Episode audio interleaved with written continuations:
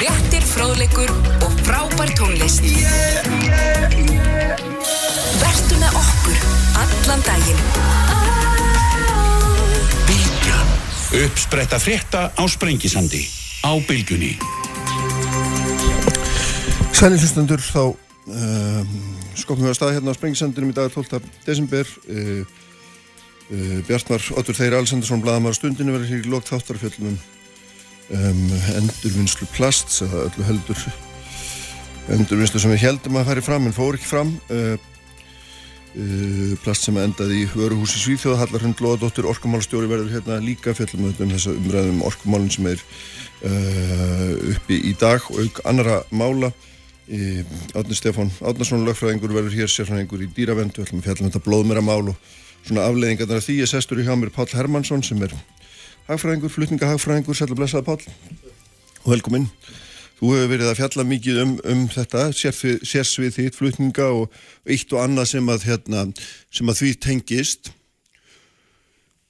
Eh, þarna eh, meðal annars kostnað, landnýtingu umhverfismál og, og hérna svona hvernig við, og, hérna, sundabrunni fyrir komið og svona það sem að vekur þetta svona fyrst aðtiklimann sem svo má segja er auðvitað það að þú ert hérna þú ert búin að skrifa það inn á það að með svona hafkamari siglingum, betri landnýtingu og ýmsum öðrum svona breytingum þá getur við raun að veru sparað okkur í nútímanum sko miljardar króna. Nú þarfst að aðeins að skýra fyrir mig hvað, hvað þú ert að koma. Já, um, ef við bara segjum að, að hérna, þetta eins og er í dag er ansi sér íslenskt. Mm -hmm. eh, Ellendis uh, í nágrunn löndun til dæmis að þá eru hérna, hafnir reknar af einum aðila eh, ellendis þá samsiglemenn. Mm. Og það er ekki bara ellendis Eimskip eh, samsiklir með eh, Royal Arctic Line og samskip í Evrópu sem er eitthvað staðsta gámaflutningafyrirtæki innan Evrópu. Það samsiklir á nánast öllum leiðum. Þannig að það sem ég er að tala með um er einfallega af hverju ekki að hérna, nota það sem er best gerist annar staðar okkur til hagspóta Já, þannig að þú ert að tala um það þessi tvö stóru skipafélag sem hér eru og reyka hvert, hvert sinn, hvort sinn skipaflótan að þau séu að sólunda tíma, plási, orgu, fjármunum í, í hérna í siglingar eins og það eru þeim er, fyrir, þeim er hátta núna. Já, ef ég má aðeins taka þetta já, já. víðara samhengi.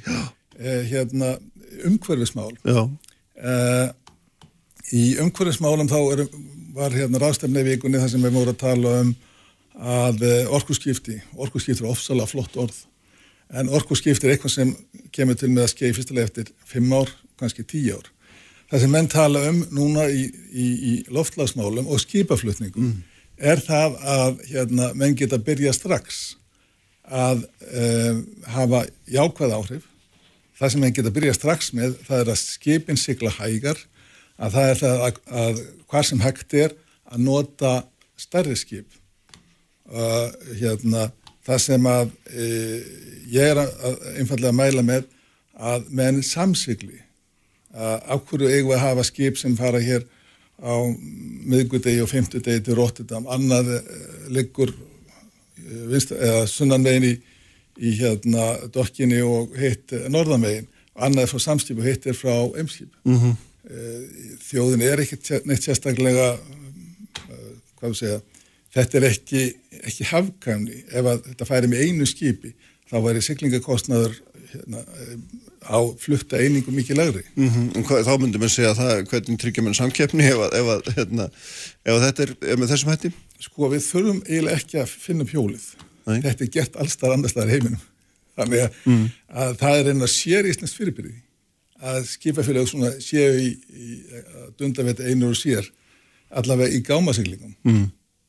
Uh, eins og sagði samskiptsiklur með hérna, samsiklur uh, til, til döblin það er samsiklaði með Júkon sem sennilega stærri hérna, fluttingsæðili mm -hmm. þeir eru með hérna, gáma frá DFDS uh, um borði í sínum skipum. Þannig að, að þarna lítur að vera samkjöfni stæðstu skipafélagi heimi Mösk var í gær stæðsta skipafélagið en MSI er alveg á hælum þess. Mm -hmm. þau nota nákvæmlega sem er skipin. Já, þau eru saman í, í skipin Já, ég var í Rottami síðustu viku og, og, var, og þú, þú getur fullur samið um það að hérna, þau takk ekki bara sama verð fyrir að flytja. Nei, það, sko, núna er hérna the seller's market. Já. það er óbúslega eftirspurn eftir flytningum en eh, ef við segjum að svona átta af árum á tíu Já. þá er þetta bæismarkað þá er hérna, þá menn með verðum. Já. og menn ekkert gera samningu um verð. Uh, þetta eru sitt, eh, sitt hvorar sölu stofnarnir sem selja í þessi skip. Hvað hva, hérna hvaða máli myndi þetta skipta fyrir Íslendinga ef við værum með hafkvæmar í flutninga því nú maður hugsa rátt ekki, ekki alltaf um það en auðvitað eru hafnir náttúrulega lífæð lands og þjóðar, það liggur um upp í allir varningur bæði inn og út fer í gegnum hafnir og þannig að það er gríðarlega mikilvægt að það séu rekna með hafkvæmum hætti og syklingarna sem leðis. Hva, hvaða máli myndi þetta skipta? Ok, ef við berjum með sundahöfn mm.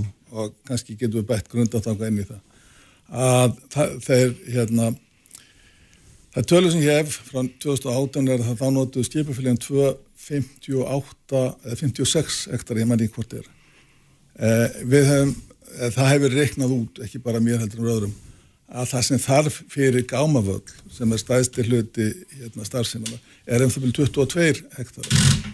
Þannig að einhver staðar á þessu byli milli 56 og 22 mm. Mm. er hægt að nota landið á mikið betri hátt. Ég hef bent á það að, að það, hérna, menn býð eftir því að fljóðvöldunum flytti eitthvað svo mikið til að byggja þar, eh, menn eftir ekki að þurfa að býða jafn lengi eftir að eh, fá svona betri nót út úr landinu þarna í, inn í sönduðöfn. Ef við tölum um, eh, ok, betri nót, ef einn aðili regur gámaafgræslu eins og gert er í allstar annars af Norðurlundu til dæmis og mm. víðaðum heim, að þá eh, mögum við búast við betri framleginni, betri nýting á landi, betri nýting á tækjum og betri nýting á mannskap. Ef við förum út í skipin, skipin, eins og segi, að í dag, við getum séð í hverju viku í, í valhafinn í Rotterdam, öðrum veginn erum við með, með skip frá samskipum sem er 900 teusar og hinnum veginn erum við skip frá M-skip sem er 2700 teusar. Mm. Ef við verðum með eitt skip sem flytti fyrir báða aðila, það þarf ekki endilega að vera skip sem endar á felli eða, eða hérna foss, endur það nú orðið úröld, menn bara leia skip. Þannig að þá var flutningskostnaður á fluttaeiningu lagri og þá er hérna um, mengun uh, sko hagkvæmni stærðarna kemur líka fram í útblæstri mm -hmm. því stærðarskipin eru hlutvarslega minna á hverja flutta einingu þannig að, að eh, þegar þetta tventi lagt saman eitt flutningskerfi og eitt hafnakerfi að þá er menn búin að fá hagkvæmni stærðarna á báðum sviðum eins og hægtir Þannig að það, með þessu tvennu þá myndum við spara okkur gríðarlega fjárhæðir. Glás. Alveg glás. Ek, ekki byggðið með mig að koma með tölum miljardar eða eitthvað en, en ég, ég hef skotið á það að fluttningskostnaður, eh, ef við tökum bara útflutning frá því að skipi kemur inn um hlið í sundahöfn og þangar til að það komir að bryggju frá því varan kemur inn um hlið í, í sundahöfn og til að Eh, eh, hérna, var skipið að komið að breykju ellendis mm. að þá gæti uh, sparnar flutningskostnaði verið um það byl þriðjungur og með flutningskostnaði það er fyrst og fremst kostnaði við skipið, það er ekki kostnaði við leiku gámana en uh, sá kostnaður er, er lítill hluti heldar upphæðunar. En þú veit að segja með öðrum málum að við séum að nota hvað, 40-50% of mikið land allt og miklu olju Alltaf mörg skip, minna, þetta er ekki góð lýsing á þessu flutninga. Nei, þetta með 40-50% land, það er þín orð ekki mín. Nei, uh, þú varst nú að segja mér á hann að við notum 56 en getur komist að með 20. Nei, ég sagði heildar landi var 56, Já, okay. gámavöllurinn sem er langstæðstir hluti starf sem er gámavöllur. Uh, við getum vel hugsað okkur að, að það blir 15 hektara, 20 hektara séu land sem að væri hægt að nota öðruvísi. Já, en það er samt gríðalegt landlæmi. Það er þetta byggja hans sem ekki þar, já. Já, en hvers vegna erum við með þetta, með þessum hætti? Þetta er sögulegt. Já. Bara, um, þetta var svona í gamla þetta og það hefur engin, hérna, uh, gerðskvörk í því að breyta þessu uh, hérna í eina tíð það voru menna að verja hagsmennu sína það er einhver 30-40 ár síðan Guðmundur Áskilsson útgeðamaður hvart af því að, að, hérna, að það fengist ekki land fyrir hans skip mm. og þá var þetta að aðeinslega tveir sem við getum kallað seimskip saman Já. að hérna uh, þeir uh, sagt, ádu upp all land sem var laust þannig að þetta er svona hér landi ríkir tvíkjafni Já. og tvíkjafni er eins konar samkjafni en ekki alvöru Nei. Þannig að í þessari tvíkjafni þá vil ég menna alltaf venda tvíkjafnina Það er þægilegt fyrirkomulag. Já, þannig Menn eru bara sátt yfir sitt. Já, menn berjast fyrir sínu. Já, já. En það er náttúrulega merkilegt svo að nefna að þessi guðmundur var hann ekki í neskipum á sínum Jó, tíma. Jó, öflómaður Já, einmitt. Og, hérna, og, og það er náttúrulega, það er þetta bara þannig að hérna, ef það kæmi nýtt skipafélag sem stór skipafélag og vildi sigla til Íslands þá getur það vantlega hverki lagst að eða hvernig Það er, e, það er vansið hvernig getur lagst að Já, þannig það er búið að hindra alla samkjöfna utan Það raunir ekki bara að leggja stað heldur þurfa að menna að hafa búna til að hérna, losulesta skipin Já. og land til að geima gámana Já. og allt það Já. og þetta er mynda ekki vera fyrir hendi Nei Ég, ég hef sagt að ég sé ekki hvernig það er gert Nei, en mér það blasir náttúrulega við ef að, ef að menn er búin að leggja undir sig all landi, þetta minnir nú bara á söguna um hérna Örving og lífélagi þeir ætlaði að koma hérna á tíund áratögnum og sagt að það var ekki til en einasta loðandi bensinstöði Reykjavík. Já, þetta er svona þetta er, þetta er sama aðferðafræðin. Já, síðan það er byrjuð byggðar svo tugum skiptir held ég.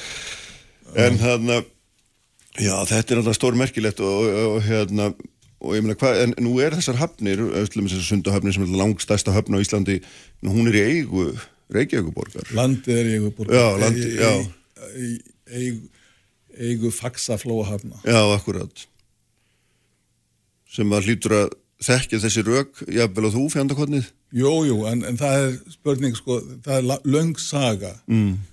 Menn hafa fyrst og fremst séð væntalega, ég hef nú aldrei hérna, verið þar við stjórn eða það veit ekki hvernig þeirra vöksa nákvæmlega mm. en ég tel það að menn hafi séð sem sína viðskiptafinni þessu skipafélaginu ekki farið eitt steg tilbaka og sagt hérna, hverju borgar skipafélagunum hvað eru hagsmunir mm -hmm. eh, ég hef haldið fram að það sem að háur okkur á Íslandi er það að það er ekki til neitt sem heitir fluttningastefna eftir síðan best veit mm -hmm. ég hefði viljað sjá til þess að það væri svo stefna að, að, að það væri yfirli stefna að, og hún studd að fluttningar til og frá landinu og ekki síður innanlands verði eins hagkvæmur og kostur á og að sem sagt að það sé veitt svo þjónusta sem atvinniðir og almenningur er tilbúin að borga fyrir.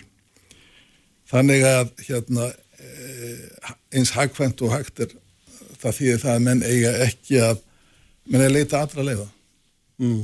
og það er ekki leita aðra leiða með því að hafa tvö skip á, á sama degi röttan, tvö skip á á sama degi hérna Árósam mm. Mér minnir fyrir nokkrum árum ég mann og kjörlega nákvæmlega hvernar að þá hafi mitt þetta komist í fréttir að held að ymskip hafa leikt samskip eitthvað pláss í skipinu hinnu og menn rák upp rama kvein og hérna töldu þetta lýsa samráði en ekki samkjöfni en þú myndir sérst segja að það, þetta það sé ekki neina hætta í slíku fólkinu Já, ok, það sem þú ert að vísa til eru Amerikaflutningar Já, það getur vel verið, ég man það ekki nákvæmlega þetta og ég man bara eftir þessu málum. Það, um, sem sagt, menn kaupa og selja og menn selja því verði sem fá best mm. og ég tel ekki á neitt nátt að, að sé neitt samráð. Ef að samskipi hefur geift pláss af umskip, þá getur það ekki selgt plássi fyrir hérna minna heldur við kaupa það fyrir. Þannig að þetta er, uh, þegar menn samsigla þá er, er svona, eitthvað ennsku vesselsering agreement mm -hmm. þá erum eins og sem ekki endilega að kaupa hver öðrum, þetta er, er einfallega hérna, annar mekanismi í þessu og vellagningin er, er markaðan sem ræður vellagningin mm.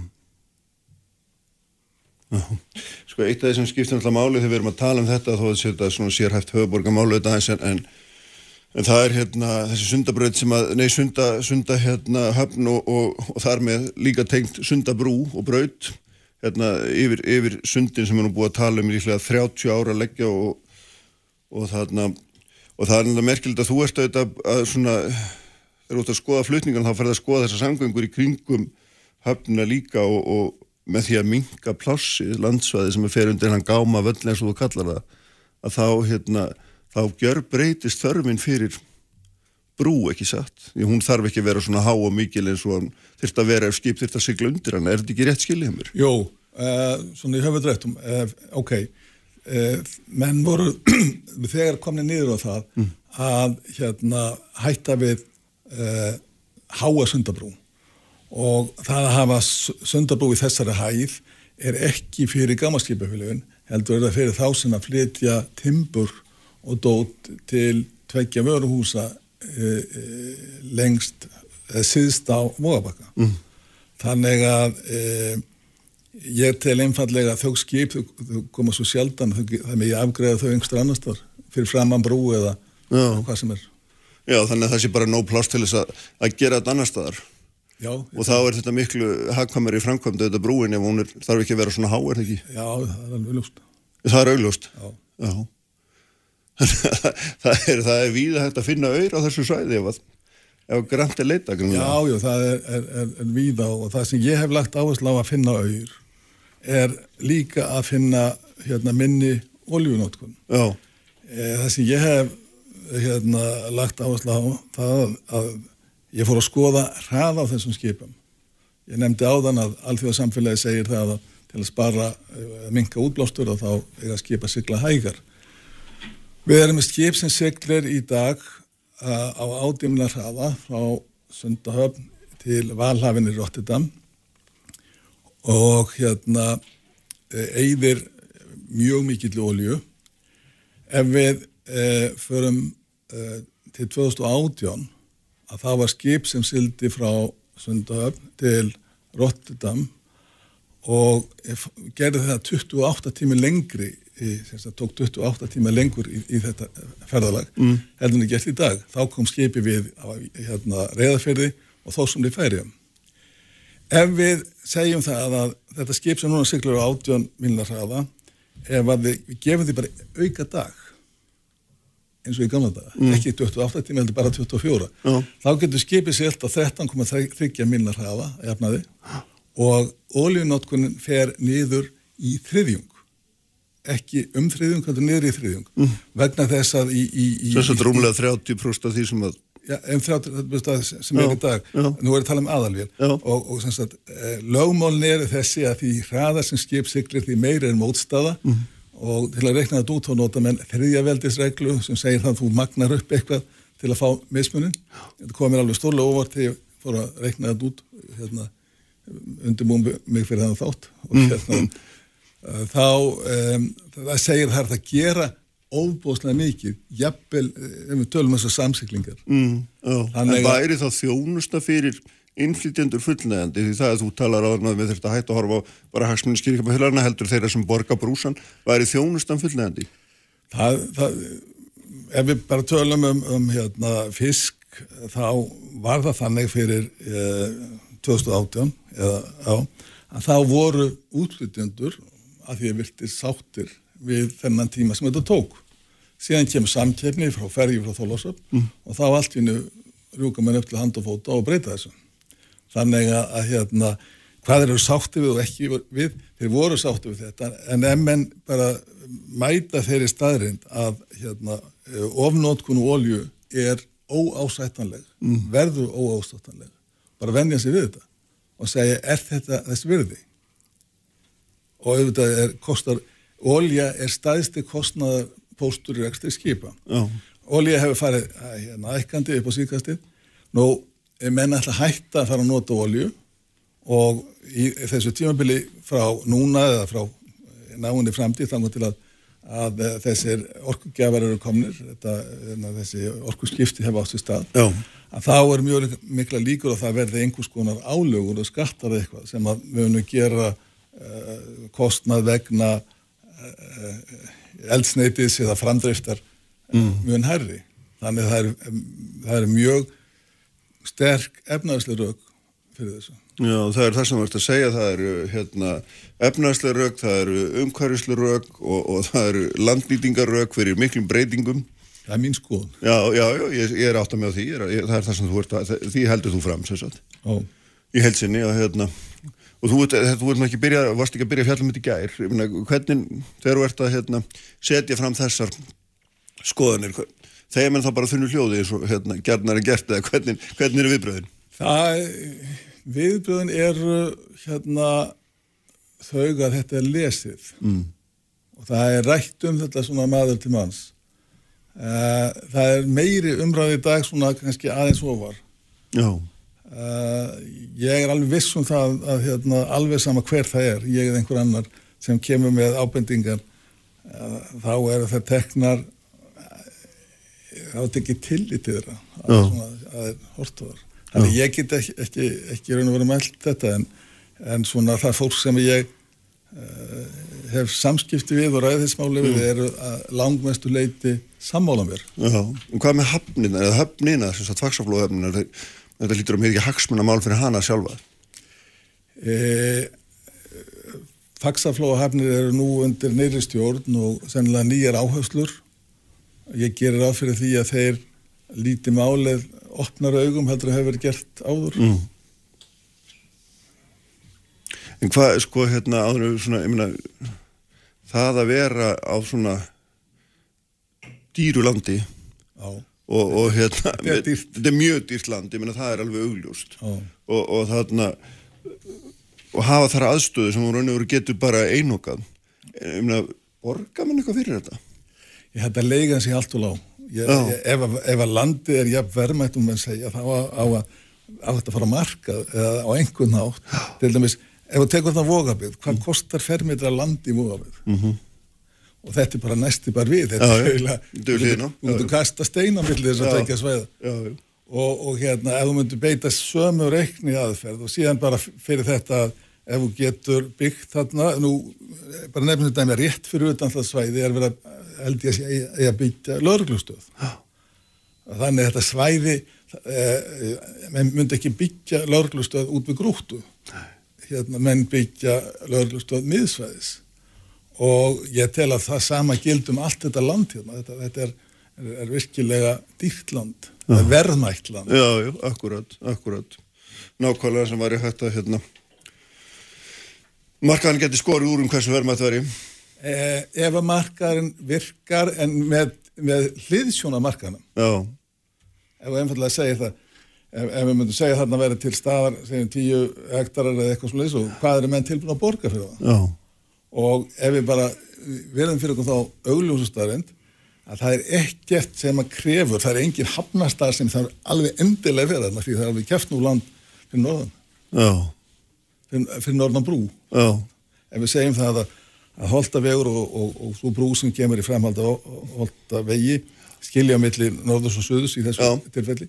Þá segir það, ok, að samskipja með mikla og stóra aðstöðu þarna sem þarf ekki að vera, þú veist, eh, er ekki skorin af, heldur, hérna, er ekki að segja að hún, hún haf, þetta hafi áhrif á þá stafsemi, en, en hérna, gáman er, þeim er drift, annars það er þess tablar. Um, ef að landi væri virkilega dýrmætt, þá myndum við nota öðruvisti tækni til að stapla gámanum.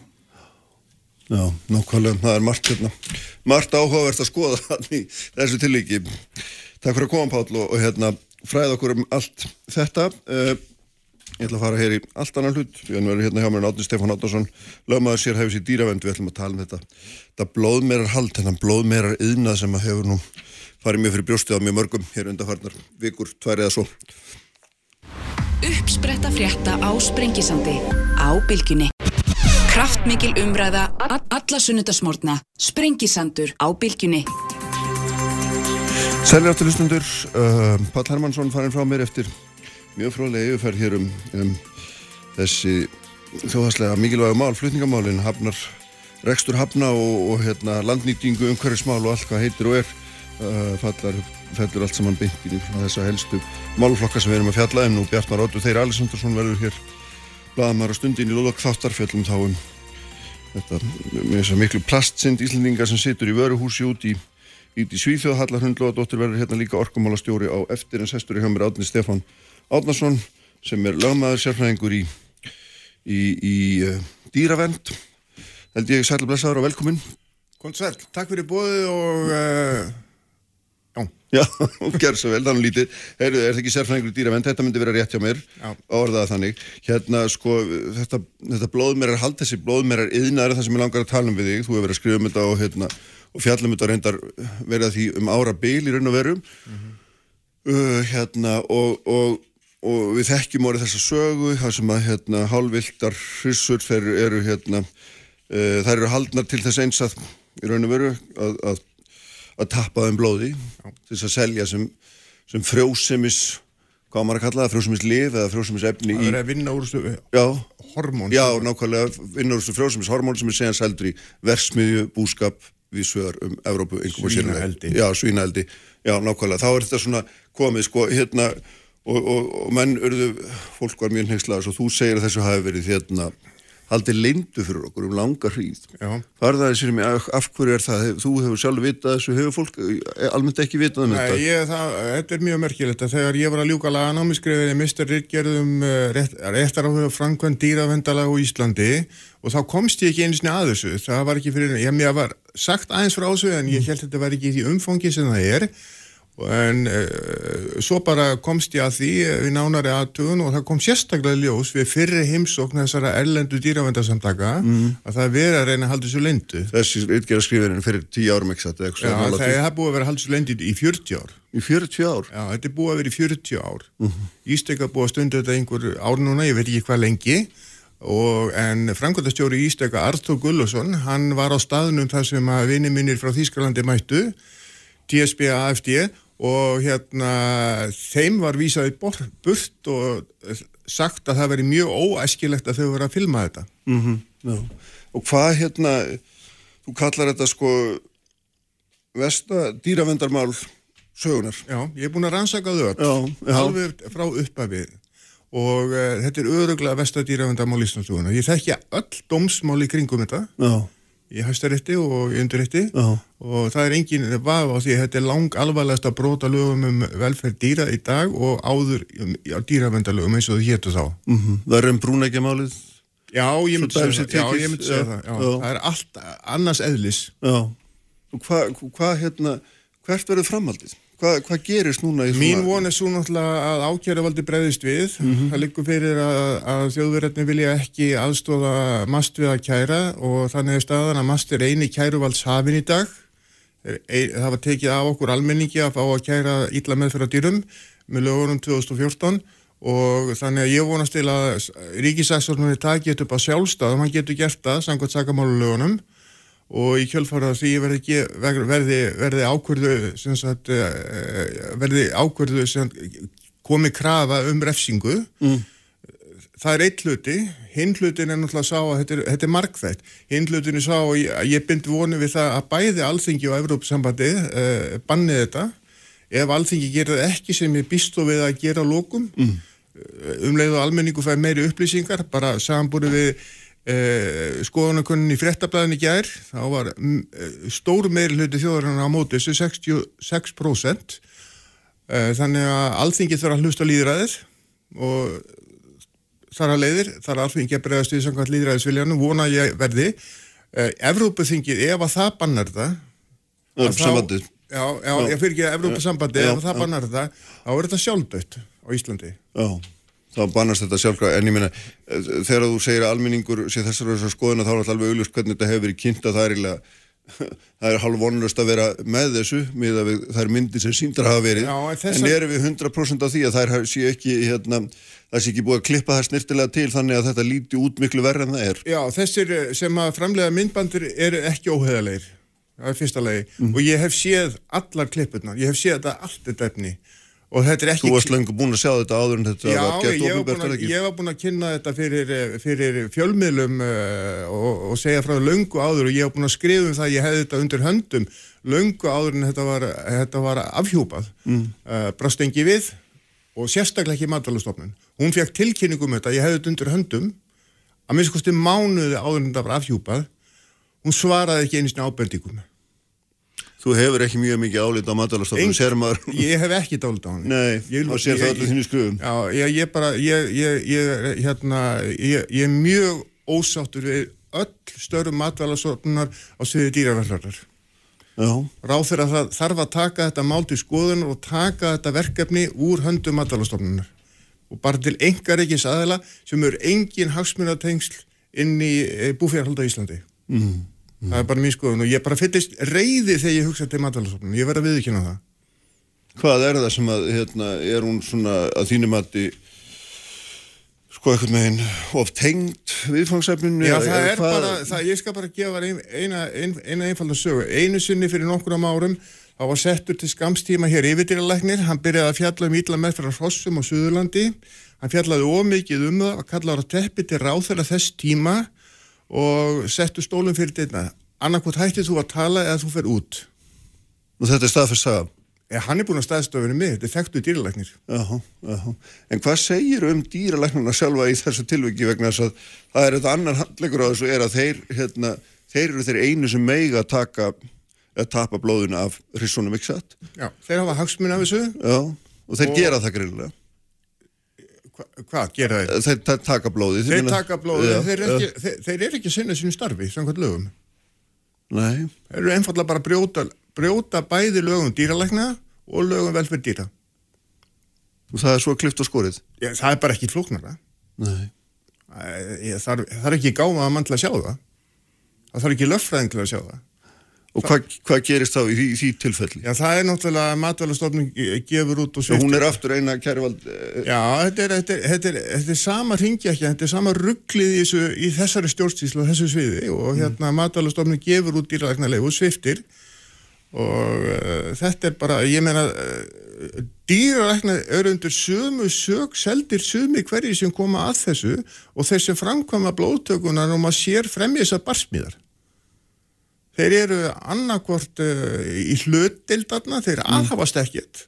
Og það er brotar eftirlögjöfni þannig að þetta er, þetta er einn uh, vítar hingu sem við erum komin í og þurfum að stoppa. En er það er strétt skilja mér að það er engin leið fyrir áhuga mann eins og þig eða, eða bara einhvern annan að fara með að vísa svona máli til lífvalda, það er ekki hægt að kæra svona mál til lauruglu bara beint eða hvernig nei, nei, það, og jafnvel þó að myndirna líki fyrir eða hvað Jú, það er eitt sjans og hann er samkvæmt 50. svannargrein eh, sakamálagana og það er að, að benda uh, ákjæruvaldinu á þetta mm -hmm. á getur ákjæruvaldi tekið upp á sjálfstofum eins og umbóðsmær alþingis getur tekið málu, málu upp á sjálfstofum Er það eitthvað sem þú hugsaður að vera að gera? Já, ég mun gera það ef að maður kærir ekki og jafnveg tó mast kæri þá mun ég koma ábendinga til ríkisassonara vegna þess að ég veit að mast fyrir mjög valega að kæra. Mm -hmm. og sérstaklega þá sem eru með tengslinni mast. Sko það er hérna það liggur fyrir þinginu lagafrömmar frá Ingu Sæland um, um að banna þetta. Já. og það er ekki fyrsta skipti ef ég skildar rétt. Uh, og mast skrifaði hérna að, að, ef ég fer rétt með það álit á þeirri lögjöf um það að, það að matstofnurinn er að blóðtaka úr fylgfullum hrissum eins og hún er framkvæmt hér á landi og að framangreini stangist ekki á við lög og bjóð ekki kröftum dýrs eða þólinni að misbjóða dýrum á annan hátt. Ja, þetta er bara kæft að þið. Það er bara afgröður þannig. Já, ég menna að þú, ef þú hefur lesið síðustu kjarnagrein mína, mm, já, ég gerði það, já. Þá, þá, þá kem ég bara með svar eh, samtakana við fyrirspurn eh, hérna eh, mast eh, til þeirra og það er mjög klift og skori það, það, það svar að já bara í einu orði er svar matalastofnunar eins og það kemur fram á heimasíðu matalastofnunar það er bara eitt kæftæði því að uh, samtökin úti segja þetta sé hérna En eru þau betri dómar í þessu heldur en þessu stofnun? Já, að sjálfsögðu vegna þess að þau eru hlutlega saðri mm. og eru komið til að gaggrina Uh, mast er í vörd, í byllandi vörd fórstjóri mast, eða fórstjóri mast jú, og yfirdýralæknir er í byllandi vörd vegna þess að þeir eh, þeim hefur yfirsést alveg rosalega. Ekki þetta einaskipti, mörgum öðrum málum. Mm. og þau vita þau hefur högg að sækja. Já, en og, hérna en nú vitum við þetta þeir sem eru að, kannski að berjast fyrir velferð dýra eða, eða eru hugsun af fólk að, að þeir hérna þeir láta sér ekki hérna, láta ekki stöða sig. Og, og, og þú sagði að það verið heilalegt fólk og, og við verðum að treysta því en hérna, getur ekki verið líka þau séu svona að krydda sitt mál skerpa línur og framvegist til þess að hérna, ídundi sinn málstað. Hvaða ástæðu ætti þau hafi til þess að, að hérna að, að þau hafi yngra hagsmuna að geta, það er málið og mm. í því ljósi geti upplýstu um það að þau koma, þau sem stóðu að gerð myndarinnar eh, sem fórseti, eða framkvæmdastjóri eða fórseti hérna dýravendarsamdagan og aðstofamöður hans þau koma hérna núna annarkot fyrir jól þegar mm. máli verið tekið fyrir í atvinnuganemnd ef það verið tekið fyrir fyrir jól og munu halda sagt, upplýsa nemndina mm. betur og uh, halda bladamannafund og þau hafa enga ástæðu til þess að að vera að, það, að, að, að þau séu að hérna, ég veit ekki henni orða þau hafa yngra hagsmuna að geta annar eða þeirra að vera málsverði dýrana oh. þau græði ekki þessu Nei. þetta er frjáls framlög sem þau fá til að stunda sína starfsemi og þetta er ekki þetta er ekki þau eru ekki að taka starfs, þátt í starfsemi þar sem að eh, fóristusöðunir eru með einhverja uh, miljóna veldu, skilur Nei, akkurat. Það þekki alveg. En þetta er, þetta er annars verið það ekki hérna, svisnesk samtök Já. og hins vegar bresk, er, Já, ekki, sko, rétt? Svo ég, bara, svo ég nefnir sín dæmi, Já. ég hef búin að starfa meir og minna pro bono í dýravend í öll þessi ár, mm -hmm. í áratug og uh, þannig að það er halvað þetta að bera þau saman við mig. Ég ger þetta hugssjón, ástriðu, mm. eins og ég veit hvernig dýrunum líður og ég vil bara fyrir, ég vil bara útrýma ytri meðferð á dýra á Íslandi það er bara ekki gert og það er það sem að náttúrulega umræðamaður á að sjá mm. en eftirlitið á að vera höndum matalastofnunar og því er alls ekki synd mm. því er synd á einstaklinga en alls ekki að hasminnaðalega mm. í stóra aðeila eins og svona fyrirtæki mm.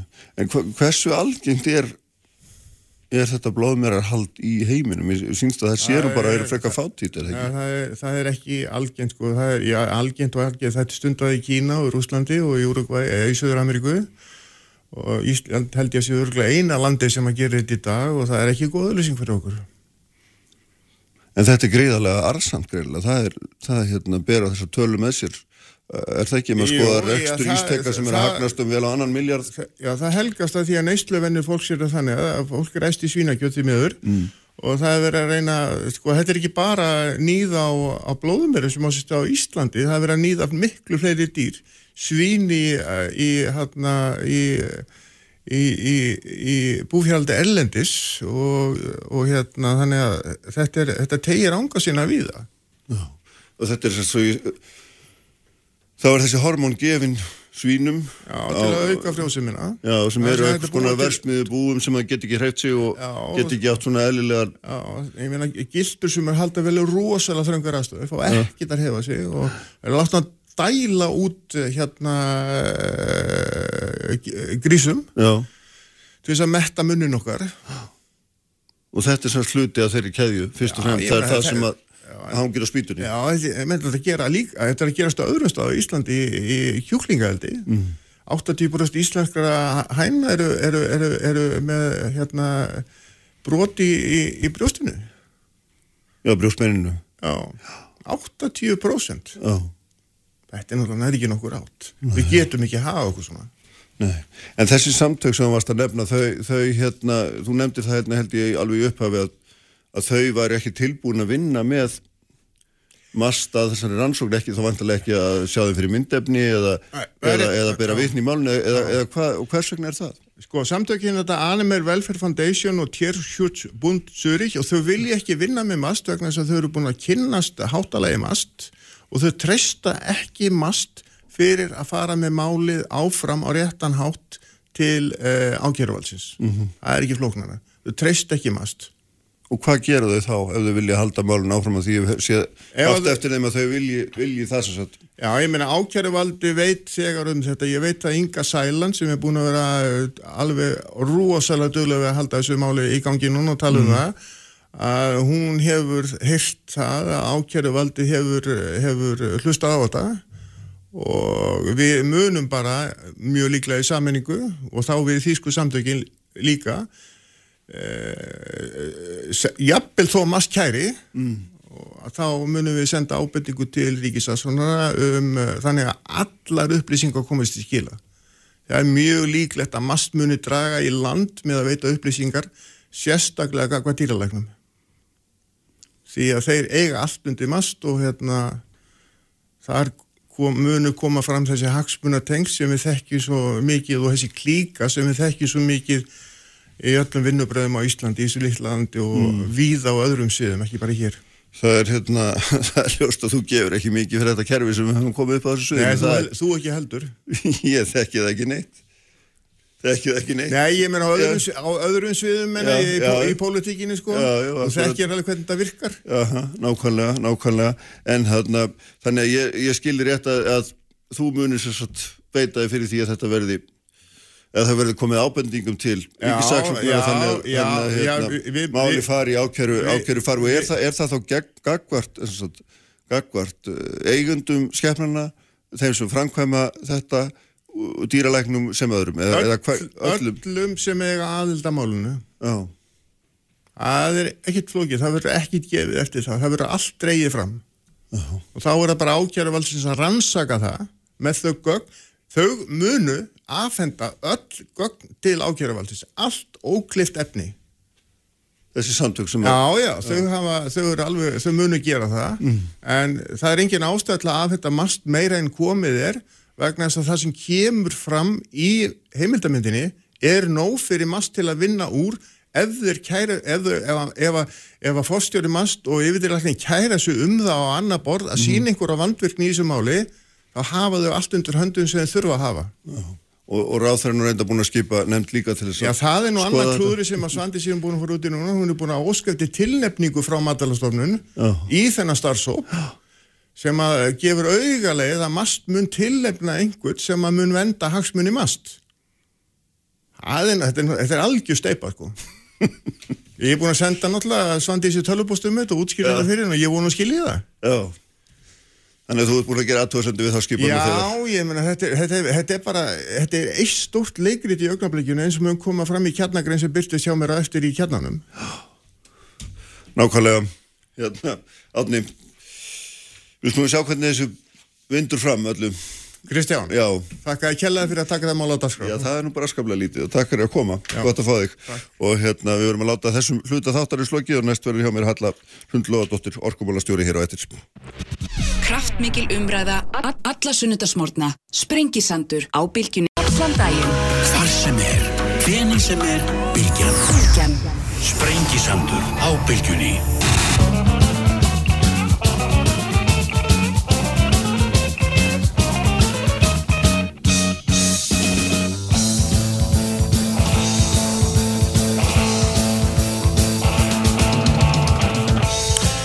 Sælir aftur hlustundur, uh, Átni Stefán Átnarsson, uh, lögfræðingur, sérfræðingur í dýravend farin fram með eftir hessilegt viðtal og skóf ekki af skoðunum sínum á umbyrjum stofnunum og, og dýravendamálum. Það er vist alveg gott að, að, hérna, að segja það. Ég ætla að, vinda mér í allt aðra hlutir, ég ætla að fjalla hérum reynda plast í, í logþáttar Bjartmar. Otur Þeir Alsendarsson, bladamæra stundinni verður hérna, þess hestur hjá mér Halla Hrund Lóðadóttir sem er orkumálastjóri. Sæl blessuð og velkomin. Takk fyrir það. Sko þarna, það er skemmtilegt að hérna, það eru umræður meðal helstu forsvarsmanna í orkugerinu þessa dagana þar sem að hérna, sumir segja að sé bara alls ekki til einu orka á Íslandi og aðri segja sér til allt og mikið aðni. Mm -hmm. Þurfum ekki að gera meira. Hvað sér orkumálastjóri? Já, það er alveg ljóst að erum í slæmu vassári eins og komið hefur fram þannig að það er tímabundið álag ef svo maður segja. Já. Ég held að sé mikilvægt þegar við horfum á þessa umræðu að átt okkur því að að við erum að vinna í umhverfi á tímum loftlagsbreytinga eftirspurn eftir grætni orku er mjög mikið og kannski sérstaklega núna af því að, að, að verður er mjög há á meilandinu mm. þannig að eftirspurn eftir vörun okkar grætni orku er mjög mikið. Þannig sjálfu sér má segja að samanþótt við værum að, að framleiða meira eða myndum stækka kerfi að þetta er framtíðar ástand að það verði alltaf meiri eftirspurn heldur kannski það sem við getum bóðið eða getum Já. sett inn á, inn á kerfið. Þannig að eitt af því sem við þurfum að horfa á er að hvernig við skilgreinum og, og, og kannski horfum á regluverki, pössum upp á að, að skilgrina markaðin betur þannig að við séum að horfa á hverjir er í forgangi Já. og annað þannig að það er eitt af stórumálunum framöndan og svo er það heitt varandi heildar orku þörfuna að horfa á hver hún er eh, til, til lengri tíma. Og það skýrist auðvitað eh, meðal annars að því hvað við ætlum að nota orkun í eh, hversu mikil svo þörf er. Mm -hmm. þannig að, að ég held að það sé mikilvægt að horfa á þetta í þessu stóra samhengi. Er, þannig að hérna, bæði bara rétt.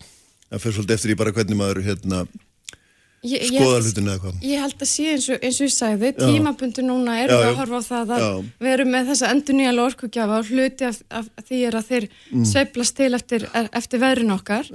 En, en ég held að sko ástandið að, að það sé hérna að það sé meiri umfram eftirspurn heldur um frambóð sé komið til að vera sé, vegna þess að það er miklu meiri eftirspurn eftir grænum orkugjöf og þess vegna held ég að, að við þurfum að horfa vel á regluverki og passa sérstaklega upp á það að við séum að skilgjurna markaðin þannig að, að almenningur og fyrirtæki og annað hafi hérna greiðan aðgang að að orku, mm -hmm. en svo er það auðvitað hitt að, að, við erum með orkumarkað hérna í dag, þannig að það er ekki endilega þannig að orkan rati nákvæmlega, laus orka mm. e, í kjærfinu hverju sinni ja, rati nákvæmlega í þau verkefni eða til þeirra sem við, við nákvæmlega viljum. Það fyrir eftir því hverju eru tilbúinir til að, að borga fyrir vöruna, þannig að það er ekki sjálfgefi til dæmis að laus orka, er aukinn framlýsla, mm -hmm. skilir sér nákvæmlega í orkuskipti Það er ekki sjálfgefið að, að rafbilægandi eða, eða hérna, garðirkju framlegandi sé tilbúin til að borga hæsta verðið og það er heldur ekki sjálfbú, eh, eh, sjálfgefið að, að, að fiskimjölsbræslunar séu tilbúinar til að borga sko, hæsta verðið mm. hérna, hverju sinni hérna, þannig að þetta er, þetta er margþægt Já. og kannski ef maður horfið sérstaklega á, á það sem er mikilvægt að koma fram í þessar umræðu hvað, hvað þetta varðar er að þær hafa samið um skerðanlega orku já, já. og það þýðir að þegar það er lélætt vassár að þá er, er hérna er það þannig að það er byrjað á því að skerja þá skerða á þá mm. en það er síðan ennur umræðis við segi hvort að við eigum að, að útvara hlutina með þeim hætti að, að það sé meira til vara fyrir, fyrir almenning og kannski svona grunnstar sem í, í, í landinu, ég held að það sé eitt af mm. verkefnunum framöndan ásamt í líka að skoða eru til einhverjar aðra lausnir en að uh, byggja nákvæmlega upp, upp sterkara flutningskerfi að þetta eru auðvitað tímabundi nótkun getur við verið að hugsa á, á meira skapandi leiðir til dæmis í tengslum við staðbundnar að vara að bló annað. Mm. Þannig að það eru marga lausnir í stöðinni við þurfum bara að finna þær bestu. Já, en það er náttúrulega augljóðsamt sem áður núna í þessari stöðu að við erum að að þessar hérna versmiði sem er náttúrulega, eru þetta ekki þetta, mann tala eins og þessi fiskimjöls versmiði hverjum fyrir það á Íslandi, þannig er það ekki. Þetta eru erfáar versmiðir og, og þær eru náttúrulega að keira ólju til bráðabyrða í það minnsta sem er svona samrýmist ekki loftlas markmiðu þjóðarinnar og þess vegna svona rekamargir upp rama kvein og rakka upp í vondum draumi það þarna þetta land sem að sko framleiði mest á orku, reyna orku per haus í heiminum, það getur ekki einu sinni annað annað þeirri eftirspurn sem er í landinu en svo kemur alltaf líka eins og nefnir að það er auðvitað eitt er að framlega orku en annað er að flytja og það er auðvitað stór flöskuháls í þessu dæmi öllu þó við ættum fylgta orku mm. á Suðurlandi eða Norður þá gæti við ekki komið inn austur svo dæmis tekið ef að hérna Ég, ég, sko, það er einmitt það er að horfa á, á þessar hluti annars vegar út frá því að það er, eins og ég sagði á þann, það er ekki sjálfgefið í núverandi markaskerfi að orkan rati til þeirra sem að vilja nákvæmlega kaupana hverju mm. sinni. Eh, eh, það er einfallega eh, snýra því hverju eru tilbúinir að borga rétt verð og annað og í þessu tilfelli þá hafa þessir aðilar valið að vilja borga ódýrara verð og vera Já. þá ótryggari orku Já.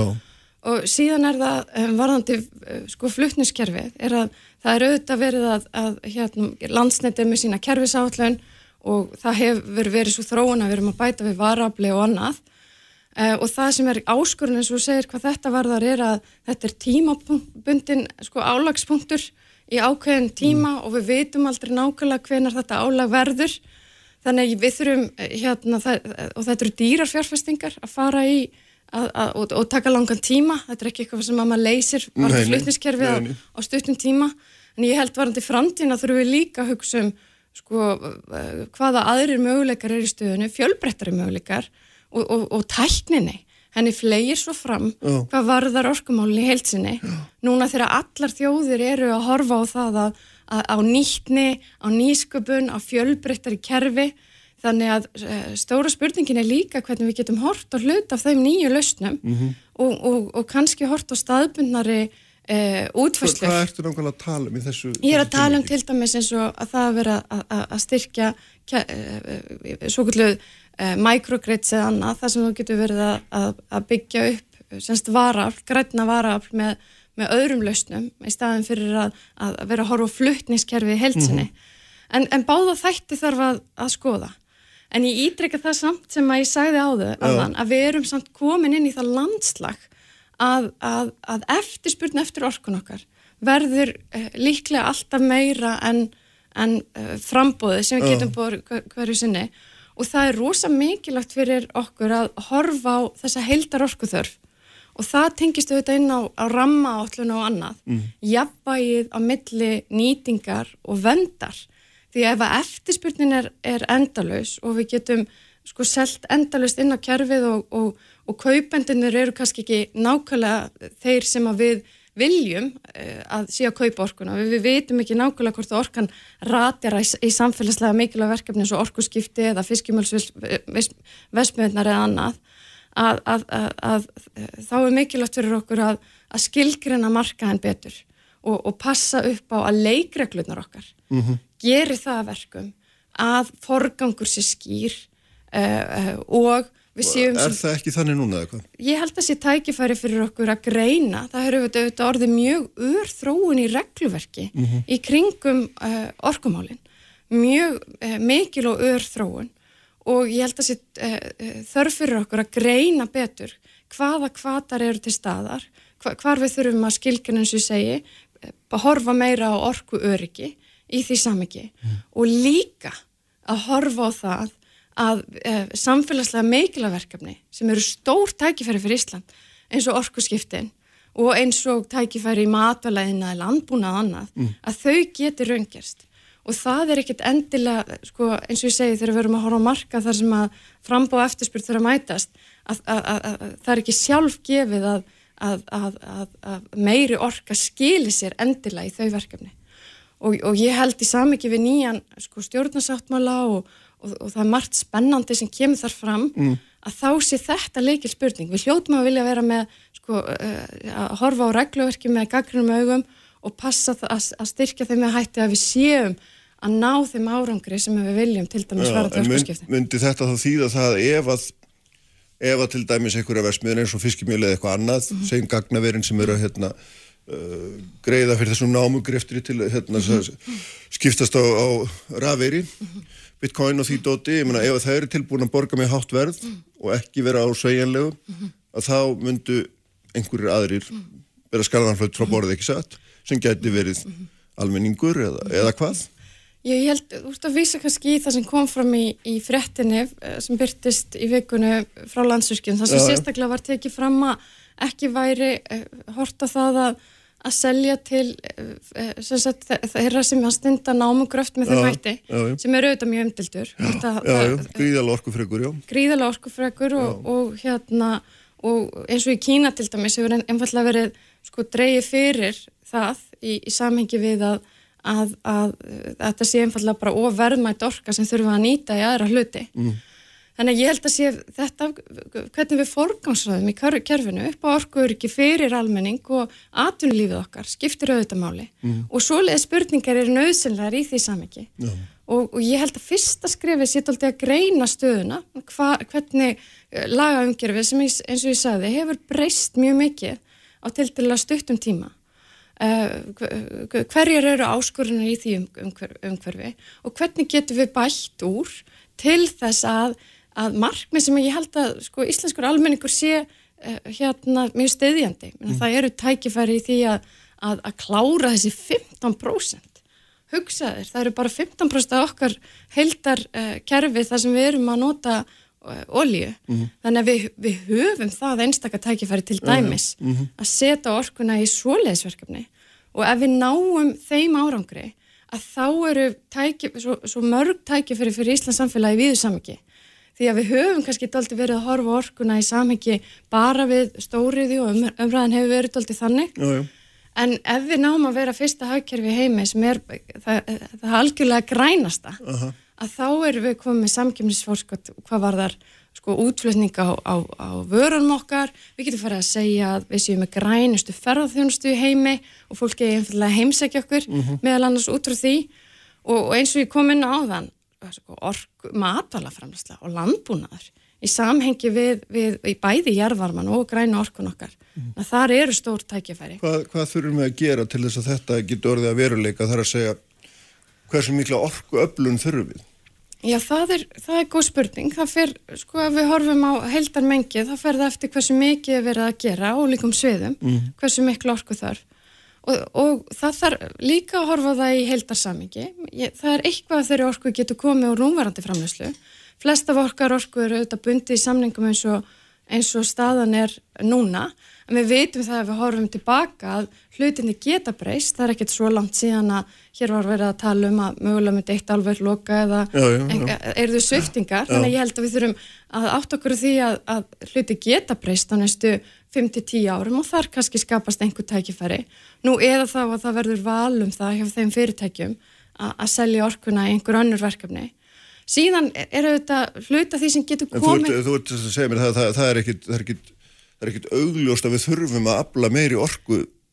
Ég, ég er að segja, það, sko verkefni krefast meiri orku en síðan er hvaðan á svo orku að koma. Akkurat, og þá eru kannski þrjár leiðir. Mm. Eitt er að horfa á núverandi framleyslu. Já og, og horfa það hvern, þegar samningar rann út. Og það eru auðvitað fyrirtækjana að taka þær ákvarðanir því að markanum er ekki handstýrt eins og, eins og hérna kannski var meira áður fyrr. Og síðan er það að við horfum á nýtni og nýsköpun. Mm -hmm. Hvað, nú erum við að snjallvæða mæla öll sko heimili, við erum að reyna að horfa það að ná frá sem mestu spartnaði eh, við vonum að tæknin og vitum að tæknin mun vinna með okkur og gera, hjálpa okkur við það, það er fókus á að, að e, allstaðar í heiminum að geta nota minna af orku fyrir sem flest. Þannig að bæður mm. núverandi virkunum og líka bara það hvernig við horfum á framlegsluferðla og annað, uh, mun eflust vinna með okkur, þannig að við munum ná að spara eitthvað orku þar í núverandi, í núverandi kerfi til dæmis og síðan eru það þá framtíðar ja, virkunokostir. Mm -hmm. Þannig ég held við þurfum að horfa á þessa blöndu þegar við erum að horfa á, á, á framtíðina og, og átt okkur á því til dæmis að orkuskipti gerast í skrefum. Núna þekkjum við hérna vel, þetta er bara spurningum innlengu þegar mm. kemur orkuskipti maður landi, uh -huh. orkuskipti í flögi og orkuskipti á hafi, þar er sko hvaða tækni verður raunverulega ofan já. Mm -hmm. það er ekki eins mikið vitað og, og, og, og meðsip tækni félur í sem meðsipna orku þörf mm -hmm. Þannig að, að það er hérna tölvera óvisa. Er þetta allt svona galopið bara í ögnublikinu? Þetta getur farið allar áttur með öðrum orðum? Já, það er kannski til dæmis ef við horfum á, á hérna, eh, ef við horfum á innanlandsflug sem dæmi, að þá er spurning hvort að, að þar verður ofan á að, að við séum að horfa á batteri e, e, sem nótkunn mm. innanlandsflugi eða við séum að horfa á raf, eldsneiti og það er misjöfn orkuþörf. Við fáum mest, eh, við nýtum orkuna best ef við getum verið að nýt, eh, nýta hana beint, Já. bara eins og við stingum símanum okkar í samband. Þannig að ef við erum að nota batteri e, þá, e, í, í, flug, í einhalsflug þá náum við að nota minni orku heldur en ef við erum að nota rafelsniti. Uh -huh. og, og sem var í þá hvað ammoniak og... Já, vettni og annað ja, sem við verðum að horfa á. Mhm. -huh. Þannig að, að meðan við veitum ekki nákvæmlega hvernig lausnin lítur út, að þá veitum við heldur ekki nákvæmlega uh, orku þörfina hvað, hvað það er varðar. En, en það er samt sem að ljósta að það er að framlega orku í þetta allt saman, alveg sama hvert formið verður ofan á, ekki satt? Já, allt krefst þetta orku en eins og ég segja þá við, við framleiðum mikið orku í dag mm. hluti af, af orku í orkuskipti getur komið frá núvarandi framleiðslu hluti af því getur komið frá betri nýttni og hluti af því getur komið frá nýju virkjanakostum þannig að, að, að það er hérna það er það sem við erum að horfa á. Mm. og svo held ég, sko, orkurskipti er ekki þannig að þau séu svona eins og þegar við erum að vera að virka fyrir eh, hérna nýtt álverið eitthvað slíkt. Að því að þau gerast alltaf svona hægt og bítandi, svona eins og þegar við erum að bæta við húsum í nýtt hverfi. Að koma fleiri og fleiri notendur jæmt á þéttina mm. hverfi það, og, og hérna þannig að, að, að það er ákveðin tækifæri fyrir okkur líka á að, að horfa á, á aukna nýttni í því samhengi og, og reyna uh, almennt að, að, að horfa á orkumál í samhengi við það að reyna að fá sem mest fyrir sem minnst. Já. Það eru raunni megin stefið í, mm -hmm. í auðlenda nýtingu og kannski ef ég má aðeins koma inn á bara í samhengi við ramma állun annað mm -hmm. að þá held ég líka að sé svo mikilvægt fyrir okkur að því að við erum með þessu stóru tækifæri í hérna grænu orkun okkar og hérna og, og, og, og margt að gerast þar að, en á sama tíma eru þetta náttúrun okkar líka að vaksa í virði. Já, já. Og, og það er, gerist í sammyggi við loslasbreytingar, vistkerfi er að negna, fólk mun flytja meira norður á bógin, þannig að verðmæti lands, verðmæti náttúru á eftir að aukast. Á sama tíma og, og eins og ég hef líst að, að eftirspurn eftir þessari grænu vöru sem við eigum mun aukast mjög mikið. Þannig ég held að, að það að horfa á þetta samhengi og, og og vand okkur í þessu jafnvægi mm -hmm. skipta alveg ótrúlega miklu máli. Hafi kannski aldrei skipt jafn miklu máli. Nei, en minna ramma á öllur nú svona aukn meðan orðinni heiti yfir yfir eitthvað aðgið sem hefur ekki hefnast vel. Já, og það, það er bara alls ekkert jafnvægi í henni og hún er bara er strand. Það er einmitt eitt af markmiðum uh, í nýjum stjórnarsáttmála er að endur skoða það. Og ég held að séu tækifæri núna, nú erum við komið með nýtt ráðuniti þar sem að báður málflokkar eiga heima uh, undir sama þakki mm. og ég held að séu tækifæri í því að, að uh, Fyrst ég það vera gott skrif því að náttúruvenda sinnar hérna, fróðuföldu þegar þið sáðu það að orkumálun og náttúruvendin átt að vera undir en mitt er svo að segja sama þakki Já, þetta er hérna ráðunæti uh, umhverfis, orku og loftlasmála já, já. Og ég held fyrsta lagi að það sé mjög gott að loftlasmálun og orkumálun séu saman því að, að, að orkumál eru loftlasmál og eins og við töl, töluðum hérna um í samhengi við, við orkuskiptin. Og svo held ég varandi sko rammaállun og, og nýting og venda þá held ég að allt samtalt sé svo gaglegt og hluti af því að mm. þessi áallun hefur verið strandir af því að það þarf að bæta ákveðna hlutanar og ég held að séu tækifæri að einn og sami aðilinn sé að sé sami ráþurra sem að sé að vinna í því og að fólk e, einfallega, ma maður leysir svo margt með með skilningi og ég held að, að, að hluti af því að, að áallin hefur verið strand mm -hmm. er að því að við þurfum að, að ebla skilning á, á báða bóa, það eru þarna ákveðin aðrið varandi hvernig við metum virðig eh, orkun okkar sem að til dæmis skortir á að sé gert með öðrum hætti til að, að áallinu geti gengið aftur mm. en ég held að, að deila enginn um það að sko hugsununum að það þurfa að vera eitthvað jafnvægi mellir nýtingar og vendar sé sé góð hugsun. Mm og ég held að, að tækifæri sem að við þurfum að horfa á alveg svo við horfum á í sjáarútvegi líka er, heyrðu, hvernig getum við fengið sem mest fyrir það sem við ákveðum að nýta? Hvernig getum við fengið sem sko, aukið alla virðiskeðina ekki bara í gegnum framlegslu og beina sölu, heldur í gegnum alla virðiskeðina, í gegnum að það að epla nýsköpun, í gegnum það að, að horfa á þekkingar innað í kringum verkefni það á að vera uh, stóra mm. markmiðið mm.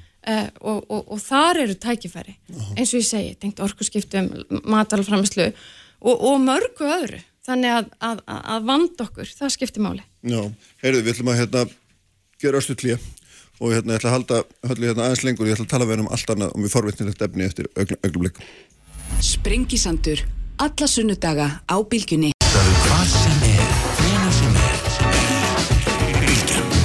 kraftmikil umræða alla sunnudaga. Sprengisandur á bylgjunni. Sæli afturlustundur, uh, Bjartmar Rótur, þeir Alessandarsson verður hérna hjá mér á eftir. Uh, ætlum að hafa fjallum plast en við ætlum reyndar aðeins að halla þér hérna þá hjá mér hundlóðdóttir orkumálastjóri. Við ætlum reyndar líka aðeins að tala um plast vegna þess að halla þú hérna Þú hérna, hefur verið að skoða mikið norðurslóðamál og, og verið að fjalla meðal annars um plast í höfunum og norðurslóðum og reynda bara í lífríkinu yfir höfuð og, hérna, og, og það tengist þínu fyrir að starfi við, við, hérna, við Harvard Háskóla. Uh, og, og síðan erum við íslingar og sem að tengja þetta og hinga á þanga við, við erum að vinna með alþjóða kjarnarkomálastofnunni eða erum að skoða þar að hugmyndi þar sem ég svo forhættilega veit að þú veist eitt og annað um sem þessu tengjast sem er að nota kjarnorku eða kjarnorku geysla, ég veit ekki eins og hvað ég á að kalla þetta mm -hmm. til þess að end, finna og endur vinna plast sem að er að menga hérna, höfin út um allt og það er alveg vantarlega líka á þessum norðurslóðum sem þú hefur verið að skoða. Mm -hmm. Er þetta, er þetta vísindarskálsa eða er þetta eitthvað raunverulegt, er þetta spennandi? Hva, hvað getur þú sagt mér? Já, það, þetta er góð spurning. Þetta er ein af þeim mörgu lausnum sem að er verið að skoða Já. þegar að er verið að horfa það hvernig við getum leist áskoruna sem að vaksandi plastmengun er, mm. bæði á landi og í hafi og uh, þarna er eins og sæðir verið að horfa það hvort að megi nota orgu uh, og þá í þessu tilfelli er verið að skoða hvort, hvort að megi nota kjarnorku Já. til að bæði greina uh, plast í höfum og líka sem hluti af því að leysa vandamáli sem að tengist endurvinnslinni sem er líka stóra áskorun. Mm og ég kannski undirstökja það, menn þetta er, þetta er dæmi um, um, um lausn og leiðir sem verið að ræða og eru í, í farvatninu Já. og það eru sko, margar aðrar og þetta er svona pínulítið eins og með loftlasmálinn að það þarf margar lausnir, margar ólíkar tæknir og annað til þess að við náum árangri því að vandamálið er svo fjölþægt og vandamálið er svo stórt mm -hmm. og það er akkurat þannig að engin einn getur lista og uh, þegar ég horfi á, á áskuruna varðandi plastmáliði heilsinni að þá finnst mér alltaf svo áhört að horfa það hvað þetta er í raun og veru nýtt vandamál. En ef þú horfi bara til sko ömmur manns og afa mm. þegar var verið að spara ísbóksinn og, og, og, og nota þetta allt saman að, að þá er sko tölutnar talinsinu máli að helmingur alls plast sem að uh, hefur verið framleitur í heiminum hefur verið framleitur á síðustu cirka 15 árum eða svo. Þannig að vandamála er til dæla nýtt en, en margar leiðir eins og þessi sem hefur verið að skoða í samingi við orkumálinn eh, sem þarf til að leysa. En getur þú skýrst það eins og hva, hvað er raun og að felur þetta í sér? Þetta þessi... felur í rauninni í sér að nota geyslana til að targetera, til að greina plastið, þetta auðvitað plast er svo ólíkt, við erum ekki mm. bara að tala um sko stóra plastboka eða einhverjar bögjur eða netafganga, þetta er þannig að plast brotnar neyður í í, í, í mistórar partikuls eða mistórar eindir og það getur verið erfitt að, að, að greina þær og það er til dæmis í, í saminginu við, við norðurslóðir að, að það hefur komið í ljós uh, með rannsóknum uh, á undarfærtum árum að, að uh, mengun í, á norðurslóðum sem að okkur finnst vera svo hreitn og, og tær staður Já. og hefur auðvitað verið tölvört lokar um að horfa á norðurslóður í ljósi þess að ísbreyðan fyrir norðan landið okkar hefur rauninni haldið aftur hvað var þar umferð og, og svo les að rannsóknir hafa syngt að þú hérna á, á tölvöru dýpi að, að það er, eru samt plastagnir og það er efnaðasmál fyrir þjóðins og okkur. Já, af því að hérna þetta eru auðvitað eitthvað sem að tengist tærleika og hreinleika og e, fiski afurða. Þannig að það að vera vakandi fyrir íslenska þjóð um hvaða hvað er verið að gerast, hvað hverju nýjastu tæknir þarna og hvernig geta þær hjálpað mm. til, a, til að leysa svona vandamál. Það skiptir máli og þetta er kannski dæmi um sko vinnu sem að uh, auðriksrándir hefur verið að skoða sérstaklega, það í raun og veru kemur í, í, í gegnum tengslu vinnu þaðan og kannski er, svo ég haldi nú áfram, sko ágætt dæmi um þá vinnu sem að Ísland var í, í, samhengi við forminsku okkar í Norðskvöldsræðinu. Já, þannig að, að, að, að við erum mónum að þetta svæði, hérna, Norðurslóðirna sem við hefum einmitt eins og segið talið varu frekar hreinar, það, er, það reynast ekki vera það við nánari skoðun og það er greinlegt að það eru hafströymar sem virka eins og dreifi kerfi og dreifa þessum agnum og alls konar hérna, úrgangið, hérna norður eftir, í miklu ríkari mæli er það ekki heldur en að Ak við hafum talið. Akkurat og, ágætt að nota þetta orð mm. dreifikerfi, við mm. fórum hérna beintur orkumálum. En það er akkurat, það eru sko dýbri hafströymar sem eru þá að bera sagt, plast mm. eh, frá öðrum heimslutum. Mesta mengunum verður þetta til eins og eh, í Asi og annar staðar mm. og þegar plasti brotta neður og berst sagt, í sjóun meðal annars bara með ám, það eru hérna mengunin ratar þaðan af landi, fíkur á landi til dæmis uh, fer í hafið, brotta niður og er síðan að berast uh, norðurabógin uh, í, í, hérna, í tengslu við þessa hafströma. Ásamt því auðvitað að, að, að það er auðvitað plastmengun líka á norðurslóðum sem að tengist staðbundinni mengun já, já. sem eru auðvitað á ábyrð uh, þeirra þjóða sem að uh, teljast til norðurslóðaríkja, þeirra átt að þjóða. Mm, já, en það sem er hérna auðvitað líka, svona maður setja þetta í eitthvað samingi sko að því að eitt er að tala um einhverja plastagnir og kannski svona það, það, það er svona vegur ekki þungt í huga fólksinn en maður átt að segja því að er það ekki svona sangvært spám að svona um 2050 þá verður massi plasts í höfunum meiri heldur en massi fisks ef að við höldum áfram á bara svipum hérna, svipum hraða verum á núna Ak Akkurat, þetta er Þetta er, þetta er sko, alveg með ólíkindum sko. Já, þetta er rísa vandamál, þetta er eitt eins og ég segði hann, eitt af þessum vandamálum þar, þar sem að þarf að horfa á sko framleiðsluferla og sem er eins og við þekkjum á Íslandi meir og meira að breytast. Það þarf að horfa á, á kvata í kerfinu, varandi til dæmis ef við horfum á, á hérna, sjávarútveg, varandi skil á, á netum og öðru, við höfum stað okkur uh, vel, eða tölvört vel á Íslandi hvað það varðar, við erum með ákveðna kvata í lögjöf mm. sem að styðja við góða hægðun og, og, og sjáurútinu er auðvitað sínt mikla óper líka. En annar staðar eru fjölmarkar áskorunir hvað þetta varðar, þannig að þetta er svona dæmi aftur um, um, um hérna, stórt vandamál það sem er margi koma að. Uh. en það eru spennandi sko, tímar framöndan Ég, Ísland var semst með formeskuna í norður skautsráðinu núna, mm. síðustu tvö ár, kláraði vor og þá á þeim tíma var fyrsta áallinin um það hvernig við bæði þurfum að, að, að skilja þetta vandamál á Norrslóðum betur og hvernig við þurfum að takast á við það útfærð og mm. samþygt hér í mæ af uh, auðaríkisráþurum átta uh, Norrskautsríkjana uh, og það sem er kannski spennandi ef við horfum á þetta í samvikið við sko nýtt ráðuneytu og annað er mm. að, að Guðlaug Þór var auðvitað fór með uh, fóristu í, í, í þeirri vinnu í, sem að því Ísland var með þessa formasku og núna er hann komin einn sem ráð þeirra í umhverfisrandi. Já, tekur þetta með sér vantarlega? Já, að vinnan getur haldið áfram og, og hérna og mikilvægt að hún gerir það svo við endum ekki með uh, verri niðurstöðu heldur en uh, endum ekki með þá slæmi niðurstöðu sem þú ert að lýsa mm. hérna Þannig að það eru spennandi tækifæri og áskorunir framöndan hvað þetta varar eins og í orkumann. Já, einmitt, nákvæmlega. Erið, takk fyrir þetta. Við skulum hérna segja amen á eftir efninu þessinu. Hann verður hjá mér eftir augna blikkan Bjartmar. Ótur þeirri Alessandarsson blaðmar á stundinni. Við ætlum bara að halda áfram að tala um plast. Er nú hvorki meirinni minna. Frettir þjóðmál og pólitík. Sprengisandur á bylgjunni. Frettir, fróðlegur og frábær tónlist. Alltaf björnt og brosandi. Bylgjan. Sprengisandur. Á Bylgjunni. Sælustendur Halla Hrundlóðadóttir orkumálastjóri farin frá mér eftir yfirfærum stöðuna í orkumálunum hérlendis og íminstu tækifæri sem að félast í grætinni orku og svo fjöldum við líka um þetta sérstakka mál sem að hérna, mjög forvitnilegt sem er að nýta kjarnulgu gísla til þess að að vinda ofan af plastmengun í höfunum. Að, ég ætla að halda áfram með fjallum plast hér er komin góðu gestur Bjartmar Óttur Þeir Alessandarsson Blaðamár á stundinu hefur reyndar oft verið hérna hjá mér áður. Fjallu blessaður, velkomin. Takk.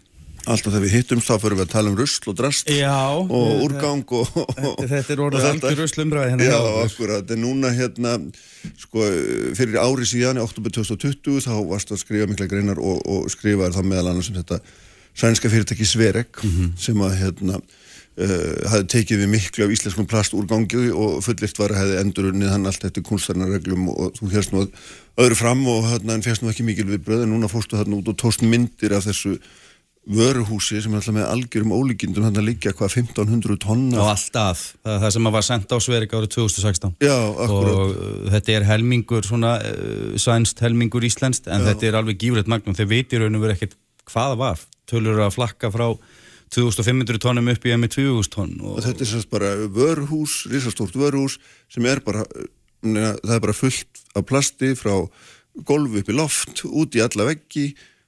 Og, og bara, úti líka. Já, já, og svo bara ef þú opnar dyr þá veldur bara út söpurskapurinn Já, þetta er, þetta er sko þekkt svindl í þessum meðinæði Já að uh, þú, þú fær nefnilega í dag að því staðin er þannig að það er mjög erfitt að koma plast í endurvinnslu vegna þess að Kína loka árið 2018 og það sem er það þekkt í raun og veru er að, að, að glæpa menn mm. leia svona veru húsnæði eða eitthvað staðar landsvæði eða eitthvað staðar og fá greitt fyrir að taka móti plastinu.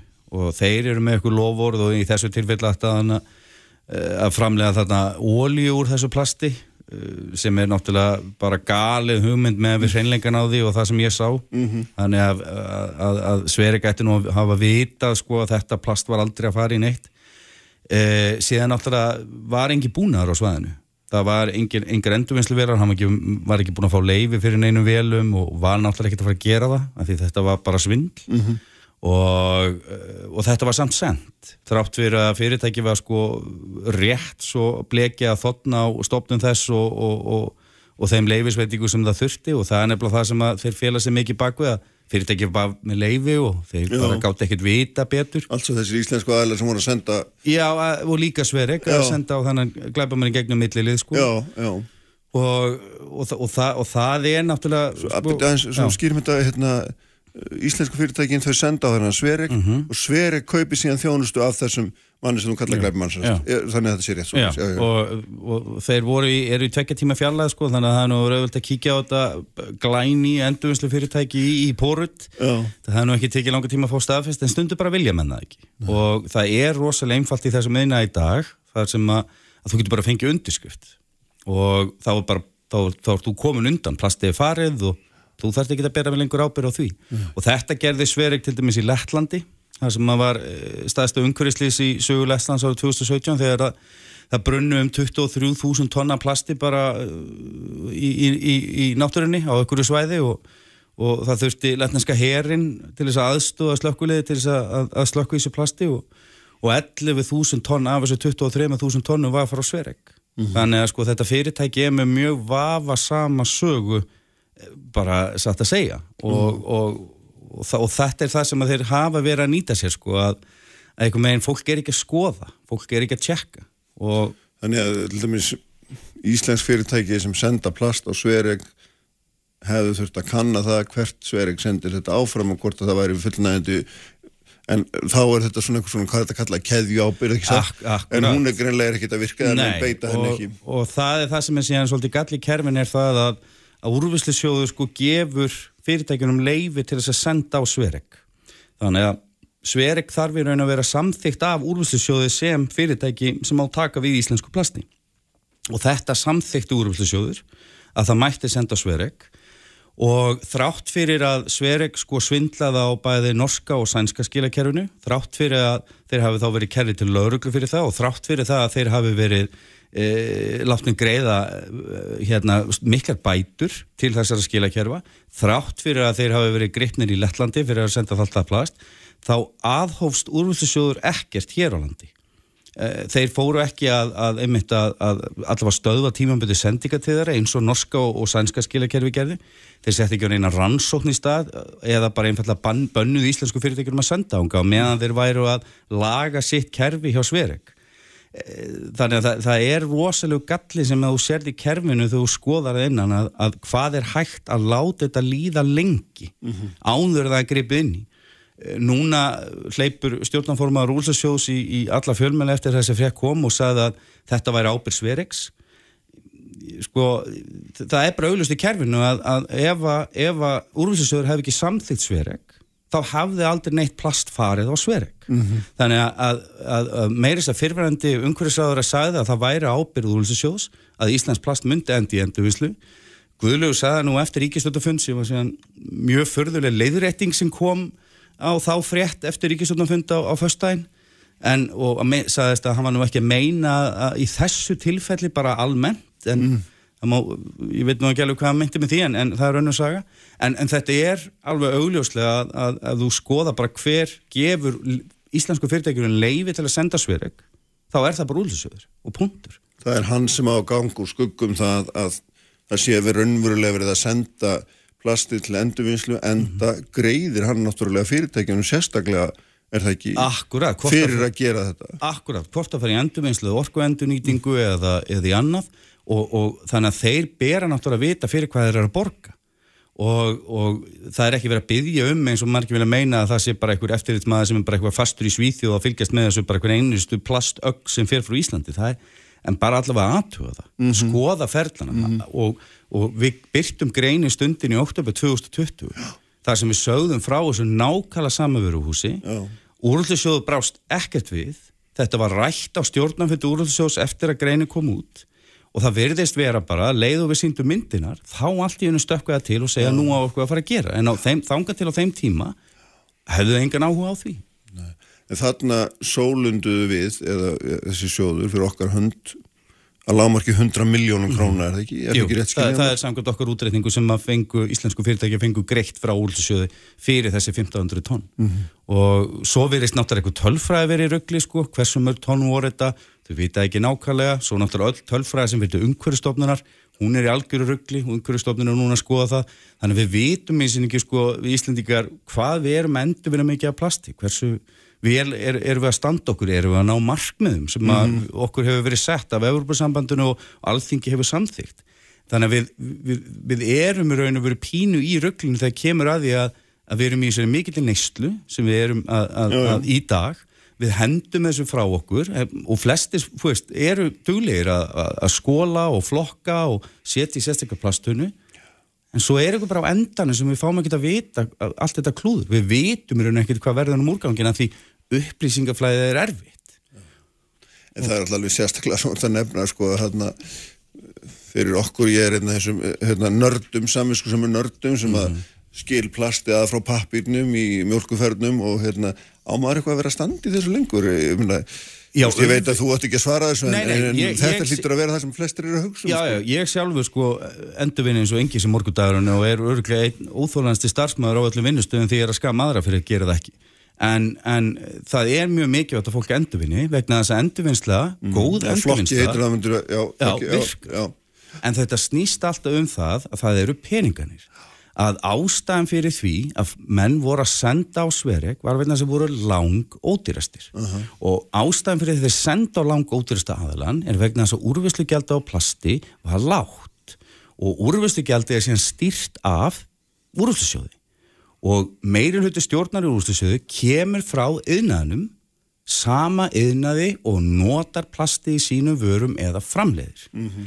Þannig að þú ert að setja raun og veru upp kerfi að þeir eru að, að sjá um að stýra skatleggingu á sjálfum sér. Þessi yðnaður. Því því lagra verð sem að úrvinnslu fyrirtæki Sverek borgar hérna, þeiminn hagkvamara er það fyrir Akkurat. skjólstæðinga stjórnamannuna. Akkurat, sem eru samtök einarinn, samtök félagis í sjáurútvi, samtök atvinnurreikanda mm. og samtök vestlun og fjónustu.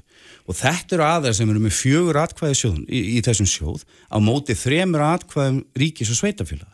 Og það er mjög förðulegt að stefnan varðandi endurvinnslu í Íslandi um hversu mikið plast á að kosta í innflutningi til þess að greiða fyrir alvur endurvinnslu sé höndum yðnaðarins en ekki ríkisins og sveitafélagana okkar kjósendaðurinn að veru þegar það er alveg auglust hvert við viljum stefna sem, sem þjóð hérna. Það er alveg auglust að kjósendur vilja fara í endurvinnslu vera umhverfisvætni en þá er eitthvað einn yðnaðar sem sér um að setja gældi á sjálf sig.